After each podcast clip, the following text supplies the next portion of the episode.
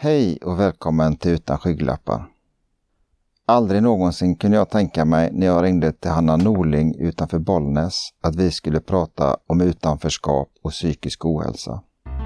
I detta avsnitt berättar Hanna öppet om hur hon upplever situationen att vara en ung kvinna i Sverige idag.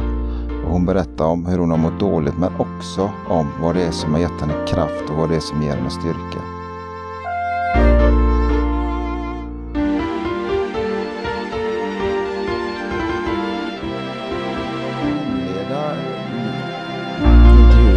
Menar det, det är inte så lätt att, att, gå ut och göra en research på Hanna Norling. Nej, nej det är inte så enkelt. det Precis. finns inte så mycket att hitta ute på Nej, internet. nej, det är ju det. Och det är ju lite, det är lite den grejen som, som är med den här podden. Att jag vet ju inte Ja. i grund och botten vad som ligger och vad som Nej. finns. Så att eh, jag tänker så, så här att, att vi inleder lite med att ta lite information om dig. Eh, Ja, och, och sen så, sen så tar vi egentligen det hela därifrån. Ja. Eh, ja, Hanna Norling är en, eh, en tjej som eh, alltid har tyckt om djur väldigt mycket. Alltid varit intresserad av djur. Alltid tjatat efter att ha egen häst. När hästar blev populärt när man gick i, ja, när man var runt åtta år kanske. Ja, Ja, jag kom in på travsporten utav en slump för att mina föräldrar ställde mig i kö till ridskolan. Och då skulle man gå en minikurs för att bara lära sig borsta och sådär. ja, Den hade ridskolan i samarbete med travskolan. okej. Så den gick jag på travskolan för att ridskolan hade full. Jag blev kvar på travskolan och började på de här kurserna för att ha ponnylicens. Och det här måste ha varit 2015. Jag var väl 10 då, 9-10 år. Och gick de här järn och kopparkurserna. Och 2017 så plockade jag ut min ponnytravlicens. Och då hade jag ju ingen, jag hade en egen ponny då som vi lånade. Eh, Men den var ju 25 då, 20-25 år gammal då. Aha, Så att den hade jag ju bara och red på hemma för kul liksom. ja, Så jag tävlade då med travskolans ponnysar så man fick inte köra så mycket lopp. Men eh, jag gjorde min debut i juni 2017 eh, med en liten knubbig shettis och så gick jag och vann det loppet. Och det är väl så det allting har börjat. vad är järn och kopparkurser?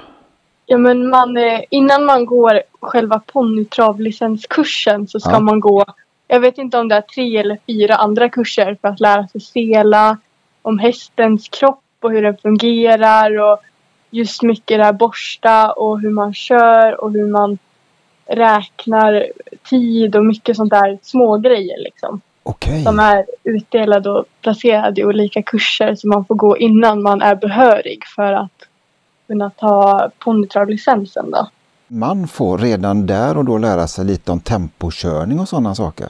Ja, precis. Man får, man får ju lära sig hur, hur man räknar med tidtagarur och sånt där. Och lite grann hur man ska köra i intervaller och sådär för pulsen och det.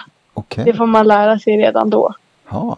Det är väldigt liten skala men man får även en, en, en inblick i det. Får man. ja men det, det är ju lite häftigt att det kommer in så tidigt i, i Ja, gud ja. Man är ju inte så gammal då. nej, Så det, det är jätte, jättebra tror jag. Eller jag tycker jag är jätteglad att man, att man fick lära sig det. För man fick ju, man får även en stor del i hästens anatomi och sånt där. Vi hade jättemycket sånt på travskolan. okej. Och vilken travskola gick du på i? Eh, jag gick på Bollnäs, gjorde jag. Bollnäs travskola hade även mycket föreläsningar och sånt där. Vi hade någon, eh, någon tjej från Kraft som var där och läste om fodret och berättade vad fodret spelar för roll och sånt. Jag har ju alltid varit intresserad av djur. Så egentligen kanske det inte var, vi har alltid haft hund och katt och kanin och sånt där. För att jag har alltid varit en väldigt djurnära människa. Jag tycker om djur och natur och vara ute i skogen och sånt där. Så jag har egentligen aldrig varit och verkligen så brunnit för just det här tävlandet. Jag har alltid varit, jag är en väldigt tävlingsinriktad människa. Nej. Men i grund och botten så är det själva djuret som har spelat roll. Så jag har alltid tyckt det är väldigt intressant med just varför man behandlar där och vad det gör skillnad. Och vad som händer när man sätter på de skorna och vad det ger för balans och så. Och vad det gör för skillnad för hästens anatomi och hur den springer annorlunda. Alltid har jag tyckt att väldigt mycket sånt är intressant istället för hur man kan träna för att få den att springa fortare. Så det, det har jag alltid varit väldigt intresserad av. Okej. Så. Så, så du, du har haft mycket den här biten med, med egentligen, ja, det, det är ju hästens välmående, men, alltså hur, alltså att, att bygga rörelsemönster och, och Ja, den men typen för mycket hästen. då? liksom hur, hur den fungerar och varför den beter sig så som den gör. Mycket så liksom eh, matsmältningssystemet och vad som händer om den får fel foder och vad som händer om man byter foder för fort och mycket liksom sånt som har med själva hästen att göra. Och egentligen kanske inte så mycket som har med träningen och travet att göra.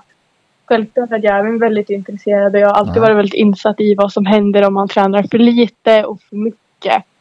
Och vad som händer när man bygger upp den, vilka muskler och väldigt mycket sånt liksom. Har jag alltid varit väldigt intresserad av. Är- du sån i det här läget så att när du kommer ut i en hage eller du står i stallgången den här biten, är det inne konstant och analyserar det du ser utav hästen, hur den rör sig? Ja men jag är väldigt så här, det vet jag ju att när jag sitter och kör min egna häst då, då kan jag nästan liksom skita i hur fort hon springer eller hur hon känns för dagen. Utan då är det mycket hur, hur hennes ben rör sig och hur, hon, hur hennes kropp rör sig just för dagen och hur vad som skiljer sig från när jag körde den igår till exempel.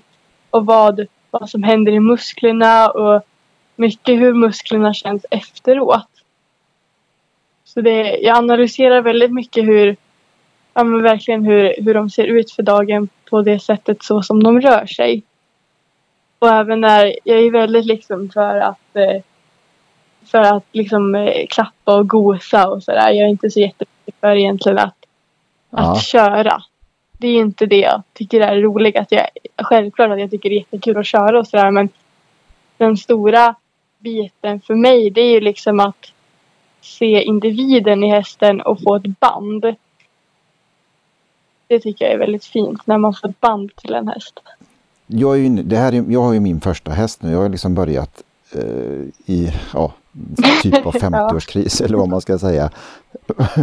Men jag har ju upptäckt för min del, alltså när jag sitter och kör och, och man försöker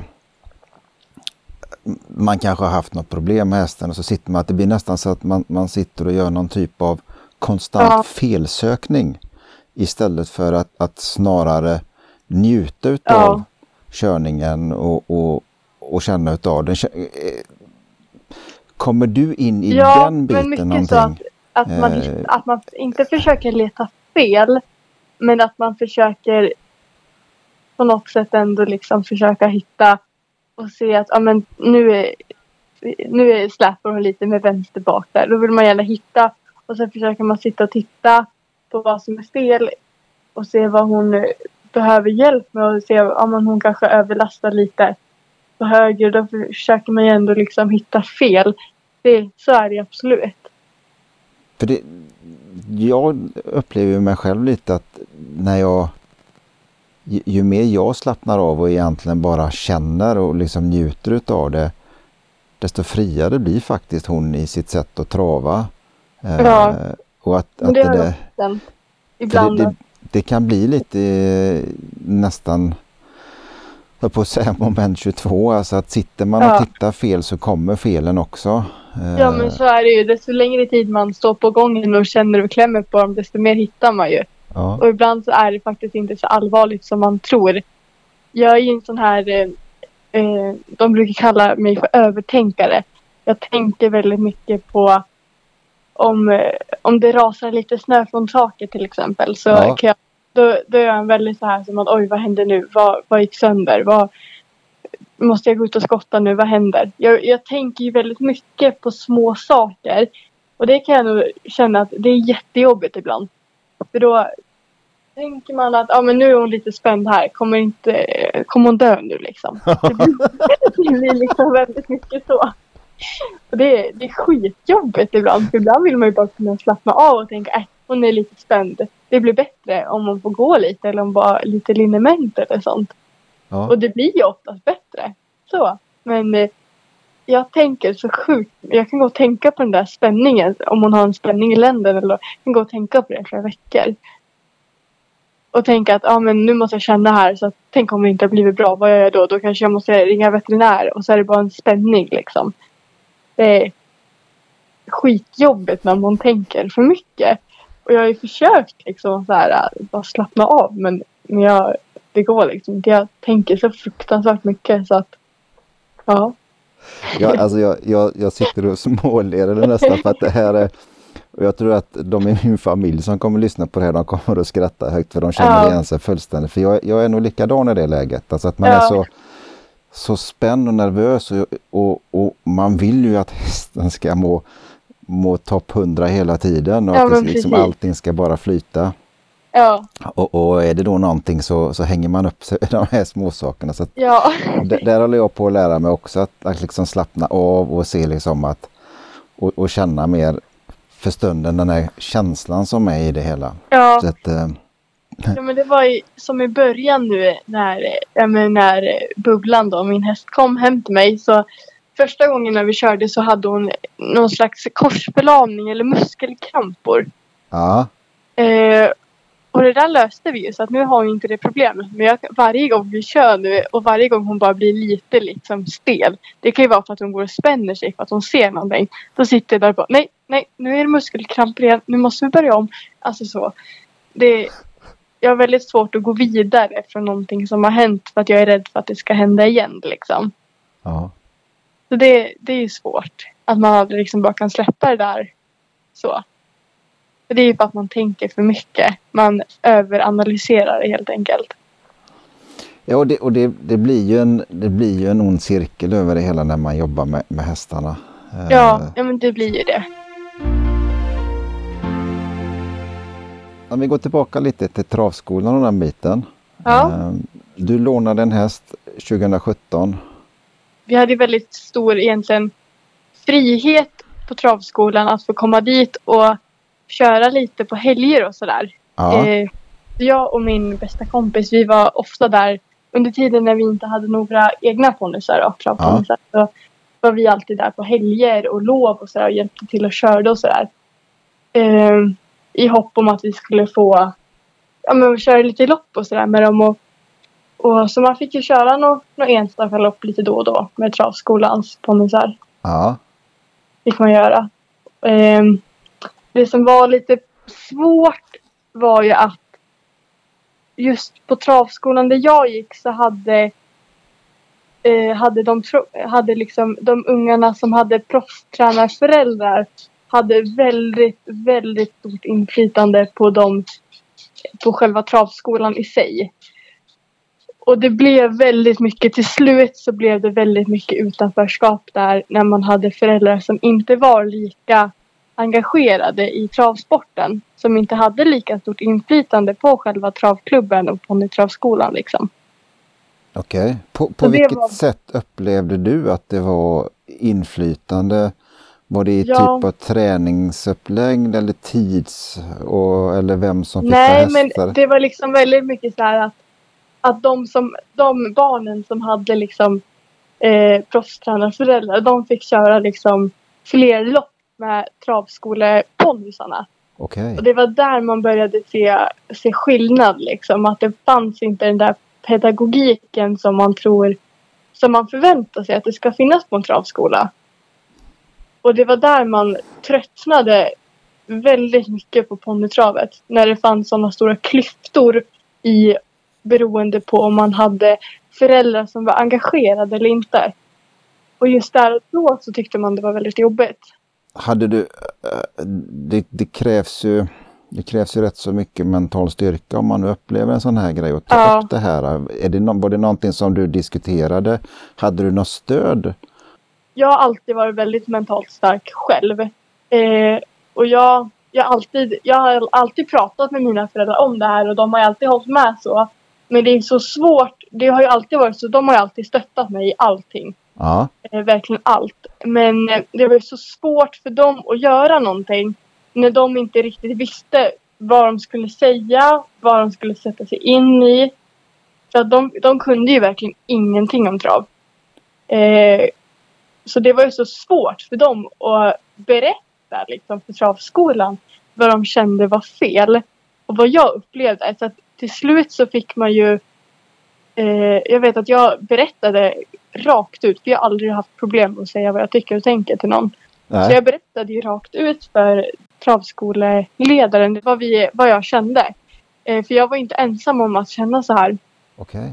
Så jag berättade det eh, precis vad jag kände. Och det var inte uppskattat att man då som tolvåring berättade. För att jag träffade väl då rätt så många punkter som även de här ledarna förstod att de gjorde. Så att de försvarade sig på ett sätt då att, att jag och min bästa vän, vi fick inte, vi fick inte, de anmälde aldrig oss på travskoleponnysarna till samma dag längre. Eh, Okej. så att de på något vis men de försökte skilja på mig och min bästa vän för att de tyckte att vi skapade kaos ihop. För att vi vågade då säga vad vi tyckte och tänkte. Ja. När vi, vi vågade ju liksom säga, sätta ner foten och säga det här, det här är inte okej. För vi hade inte de här inflytelserika föräldrarna på travskolan. Vi hade inte de här som alltid kunde skjutsa och hjälpa till och ingen av våra föräldrar var ju proffstränare liksom. Och det var ju skitsvårt när de då började utesluta oss. Och speciellt när de började skilja på oss för att de störde sig på att vi sa ifrån. Ja. Så det, det var skitjobbigt och man tappade verkligen all den här hoppet på själva ponnytravet. Men nu, hur, alltså nu, nu, får vi, nu får vi din bild av det Hanna Ja, i det här läget. Och den, den är ju, det, det är ju så här du har upplevt det. Ja. Och, och, och det får man ju försöka ta vidare och försöka se. Men, men i, i, dagsläget när du är, är lite äldre och har gått in i storhästbiten om man säger som så. Är, är det Ja. här, hur, upplever du att, att eh, Upplever du att det, det är bättre i den här biten? Att, eh, att det blir mer, du blir mer dig, dig egen i denna delen? Eller hur, vad, Ja, men, men så är det absolut att man, att man är ju mer liksom eh, ja, men mer sin egna nu och man sköter sitt mer. Det gör man ju absolut. ja, Eh, men eh, ja, jag vet inte. Man kan ändå liksom inte säga för jag har ju även, håller ju även nu på att ta min storhästlicens ja, på, på travskolan i bollen så det är fortfarande mycket samma men nu må, man lägger inte samma energi på det längre som man kanske gjorde när man var 10-11 år. Så är det ju. Utan nu kan man ju ändå liksom sköta sitt. Så. ja. Man är inte, jag är inte beroende av, av eh, själva travskolan längre som man var då. För nu, nu har man ju sitt liksom. Och det är ju jätteskönt att man har. Men du, även, även om du liksom kände den här biten att det var, det var tufft och jobbigt och du upplevde att du hamnade lite utanför och sånt. Men Ja. du valde fortfarande att gå vidare. Ja, men man, det, allt blev ju så himla mycket enklare när man eh, skaffade eget. Jag skaffade eget eh, rust 2017 där som jag började tävla med. Ja, Och allt blev ju så mycket enklare när man inte... För då hade jag ju, då fick ju jag köra lopp med min egna. ja just det. Men tidigare så hade, fick jag inte köra några lopp alls. För det är ju väldigt svårt att hitta uppsitt, uppsittningar i ponnytravet om man inte har en egen ponny liksom. Det är otroligt svårt. Är det. Så då när man väl skaffade sitt egna russ och kunde köra så gick man vidare väldigt fort. Och man, man störde sig ju inte längre på, på det här. För nu i efterhand så det är självklart att man, att man kan störa sig lite på, på det här att det skedde så här. För det ska inte gå till så enligt mig. Men man har ju ändå liksom gått vidare och nu kan man lite mer skratta åt det där för att för mig är det bara retsamt numera. Jag tar inte illa upp av det längre. För att jag har liksom ändå mognat på mig så pass bra. Jag har ju egentligen aldrig brytt mig om att jag inte har travföräldrar liksom. Så att jag Nej. tycker det här är skitkul ändå. Eh, så att det var ju självklart hästarna som hjälpte mig vidare. Och just fortsatte att hitta den här motivationen.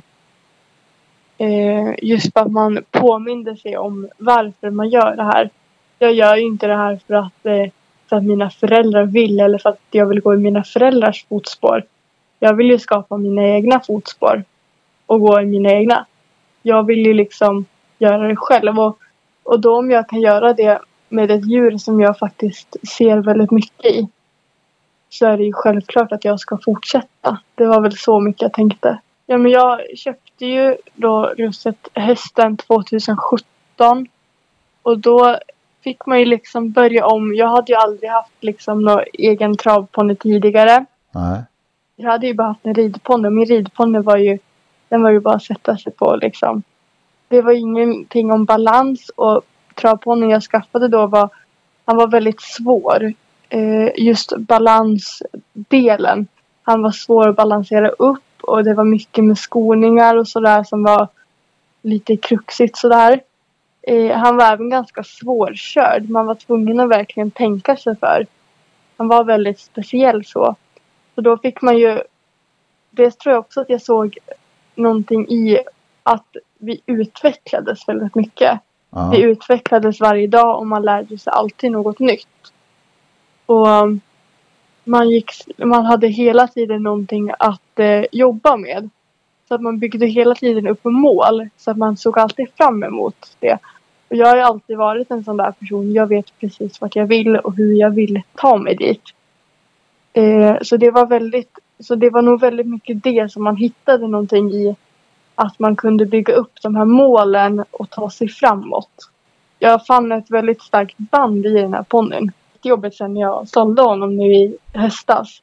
Och då hade man ju, liksom- han hade ju hängt med då i tre år.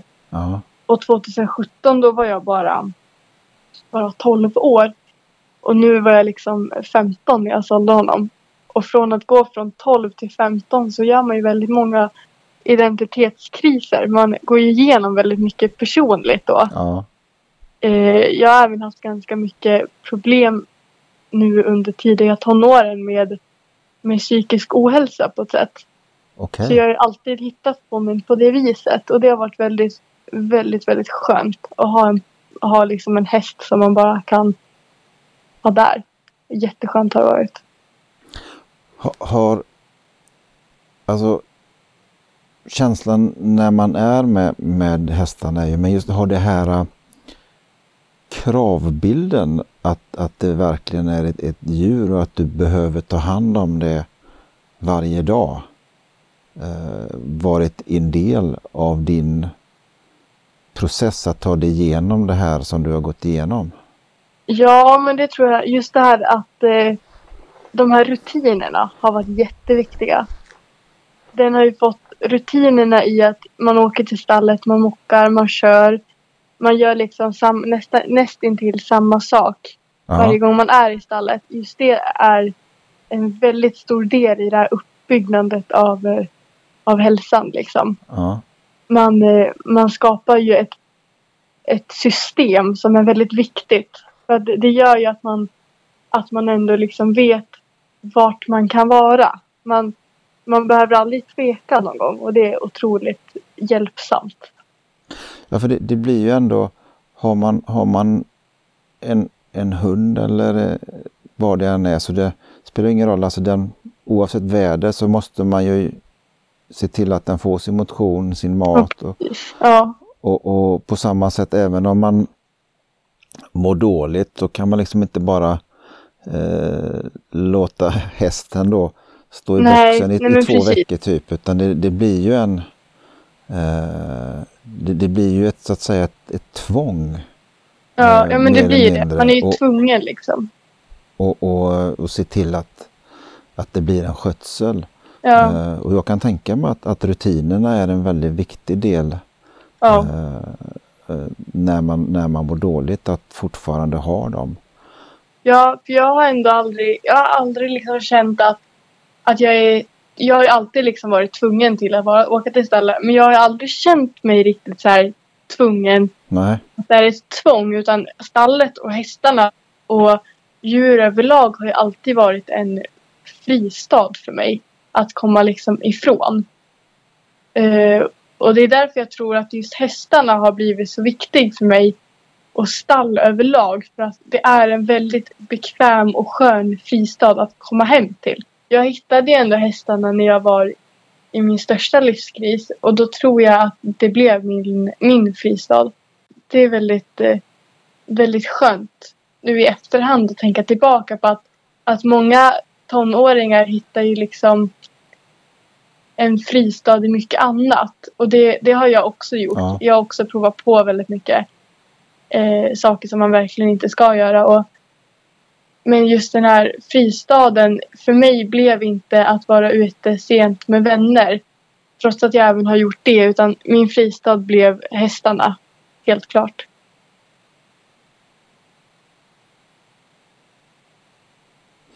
Vad starkt det här Ja. blir Hanna. Eh, och, och, och komma in på den här biten för att det är ju... eh, Ja, det är ingenting jag nämner så ofta. Är så, men... Eller jag tror egentligen inte att så många vet att, att det har varit väldigt jobbigt. Men, eh, Okej. men det är någonting, eh, någonting absolut som jag... Jag är ju väldigt öppen av mig som människa. Jag, jag är ingen sån Ja. här som döljer egentligen så mycket. Och jag har väldigt lätt att prata om saker som jag tycker är jobbigt. Eh, det, jag har inget problem med det så. Egentligen, det var det att jag är inte en sån här som bara börjar prata om ingen frågar. Men, men så Nej. är det. Kände du då när du, när du var med hästarna eh, i de här situationerna att, att du faktiskt kunde, om man säger som så, att, att de kunde ta en del av dina problem eller att de lättade i den här situationen? Ja, men så är det absolut. För det, eller när jag väl kände att det blev bättre. Det var faktiskt när jag började jobba med hästar. Okej. Det var då jag kände att man, att man blev stabil liksom. Eh, jag, bör, jag sommarjobbade ju första gången 2018. Och då sommarjobbade jag hos Lina Tallberger några veckor och eh, hos Therese Bjurman. Eh, Ja. Och det var då man kände, för då fick man ett, ett mycket större ansvar. Och då, då växte man så otroligt mycket som person. Just under, de, under den korta tiden liksom. Så då, Ja. det, det fick mig att bli jättestark. Jag har ju alltid varit ganska, egentligen i grunden mentalt stark. Jag har ju aldrig någonsin tvivlat på mig själv. Det har jag aldrig gjort. Inte så. Utan, men man blev liksom, man byggde upp sig själv och sitt mående väldigt mycket när man började jobba och få ansvar.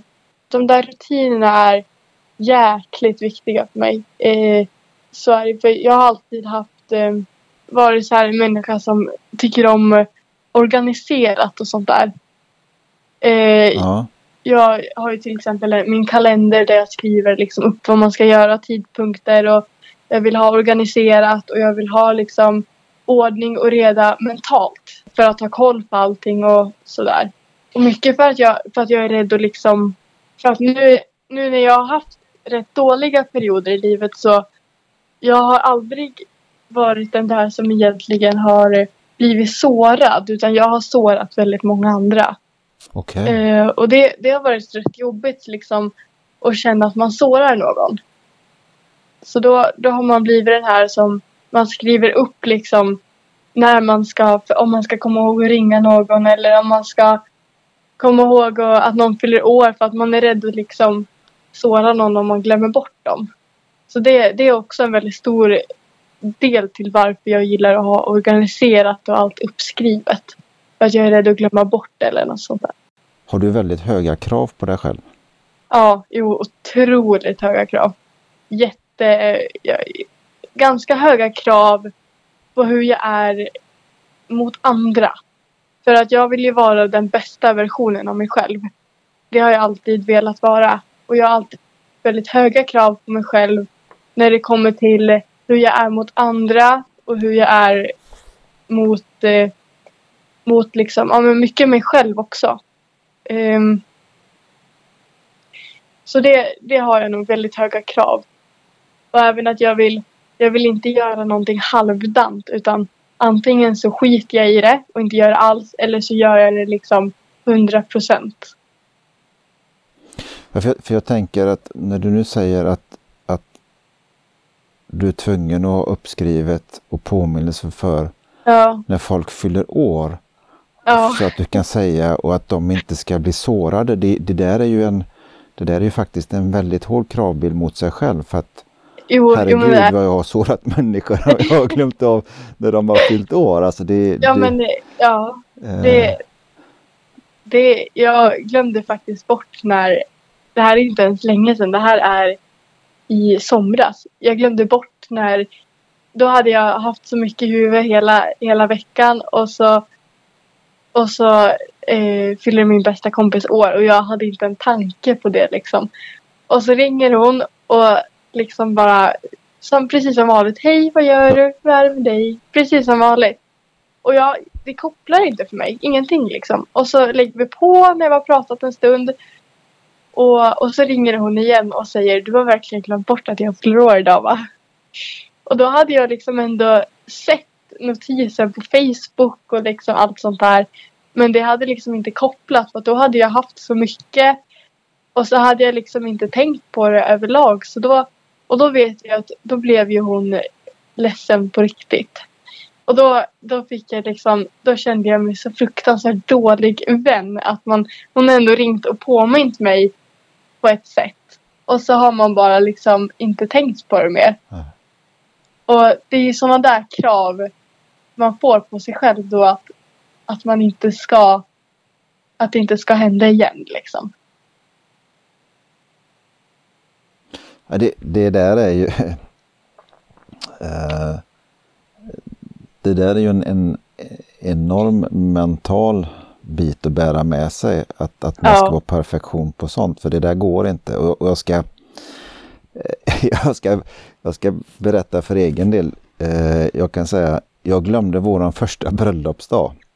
Ja, Så att det är liksom, eh, och vi är fortfarande gifta, det är 25 år sedan. Eh, Ja. Så att det är liksom, eh, det det är självklart att, att du har en enorm press på dig i det läget. Eh, ja. Men, men känner, du, känner, du, känner du samma press när du jobbade hos Lina och den här biten och när du jobbar med hästarna i det läget, att, att det måste vara perfektion då också? Ja, ja men så är det ju absolut att, att eh, om jag får till exempel en arbetsuppgift. Eh, det har jag märkt mycket nu när jag har jobbat hos Fredrik. Att, eh, att ja, men när jag får en arbetsuppgift så frågar jag gärna någon extra gång precis att jag uppfattat den eh, uppfattat den liksom alldeles ordentligt så att det inte blir att man gör något fel. För att jag är otroligt rädd för att göra fel. Ja. Jag är inte rädd för att få kritik och sånt där. Det, det är jag absolut inte. Men just den här känslan av att man har gjort fel. Den är jag otroligt rädd för.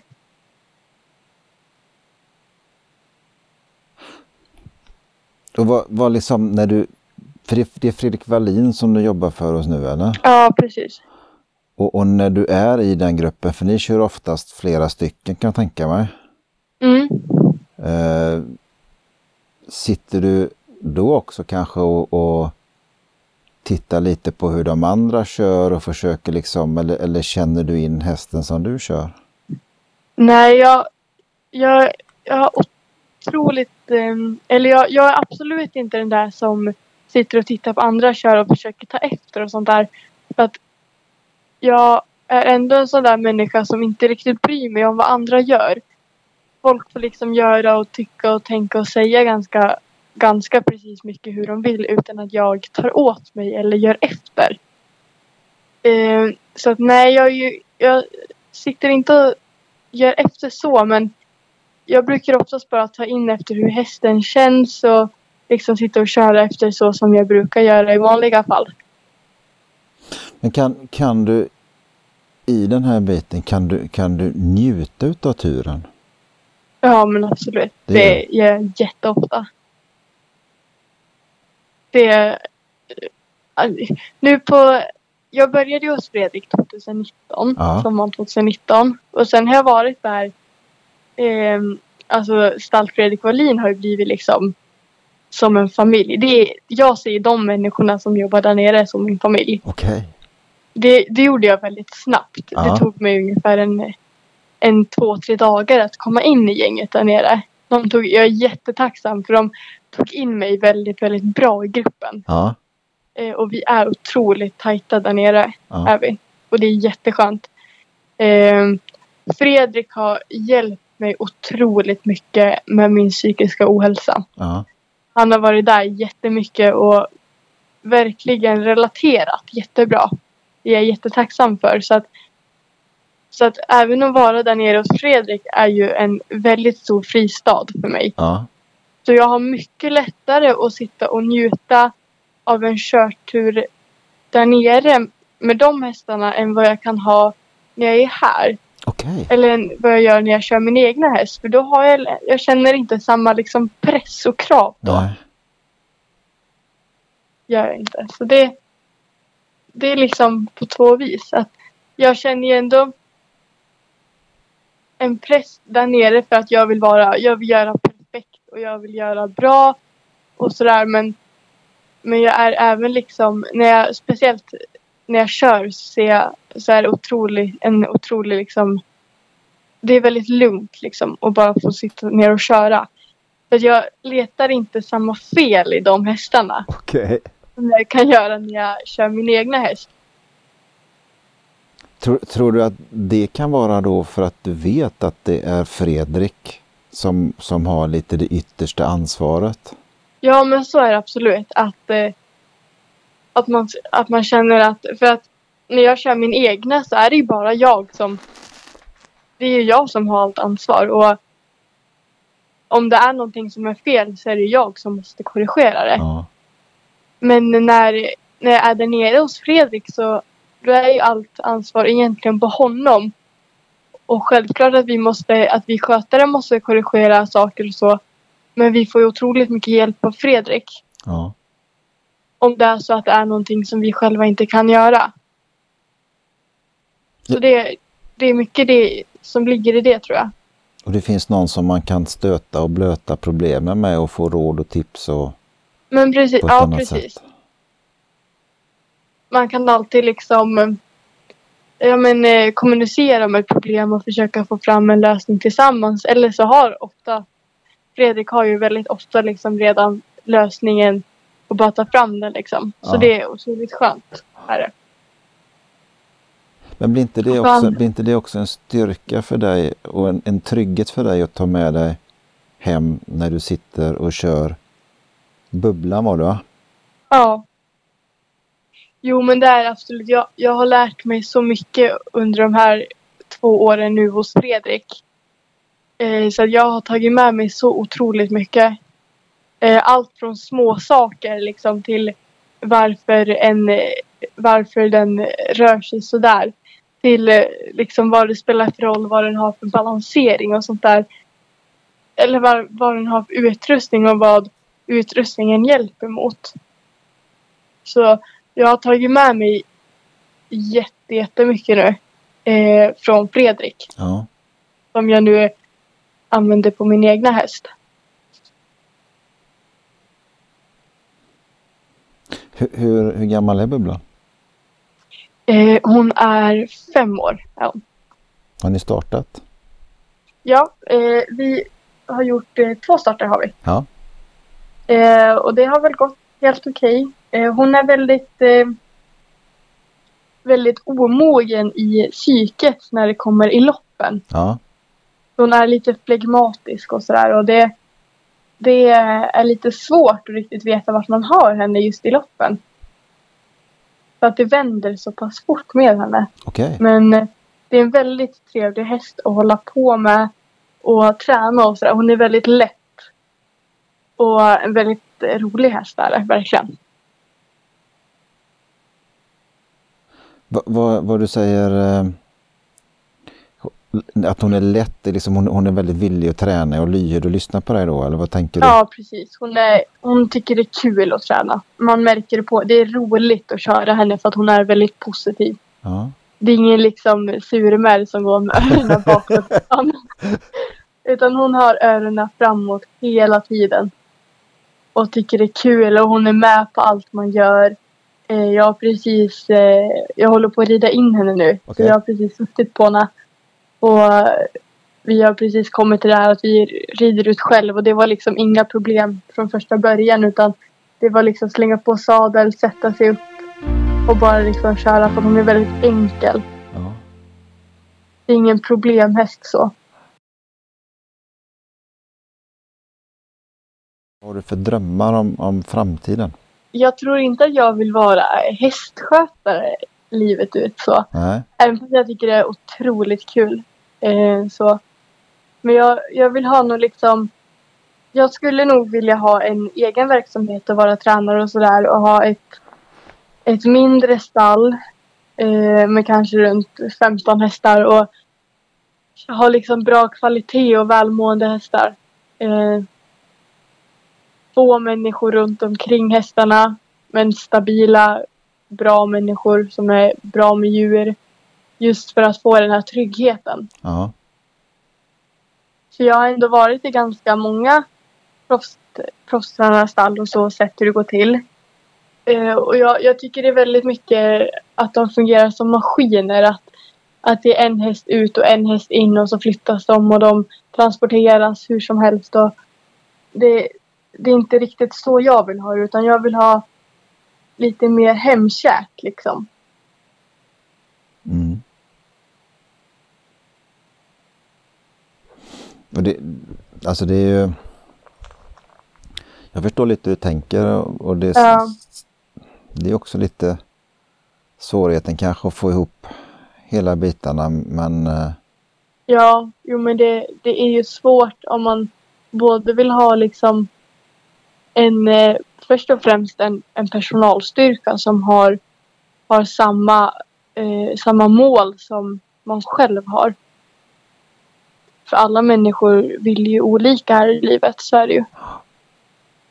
Och samtidigt så är det ju väldigt svårt, jag tänka mig i början, att skaffa hästar som, eller få upp ett stall som har kvalitet just i början. Utan det, det får ju ta tid liksom för att göra.